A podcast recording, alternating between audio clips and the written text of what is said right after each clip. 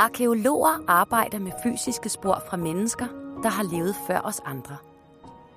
Fund som lædersko, potteskov og menneskeknogler er med til at fortælle, hvordan livet har udfoldet sig i fortiden.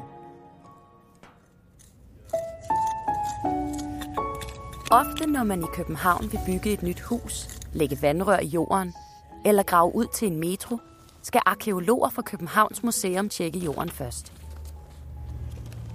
Det kan måske synes omfattende og tidskrævende, men gør man ikke det, kan viden om Københavns historie, man ikke kan få på andre måder, gå tabt.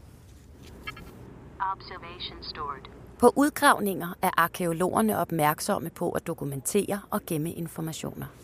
For eksempel opmåler de den præcise placering af de enkelte jordlag med en GPS, og kan hermed systematisk plotte fund ind i forhold til forskellige lag i udgravningen.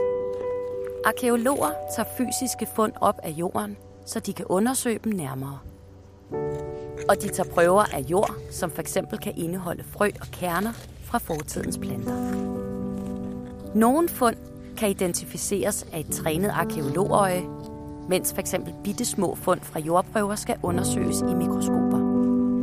De mange fund og jordprøver bringer arkeologerne ind på museet til undersøgelse i arkeologisk værksted. Her sorterer de fundene i bunker af f.eks. potteskov, dyreknogler og metalsøm.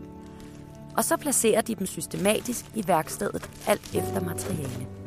Nogle fund kan kun tåle at ligge køligt og fugtigt og i mørke, præcis som da de befandt sig under jorden, hvor de har ligget godt beskyttet i mange år.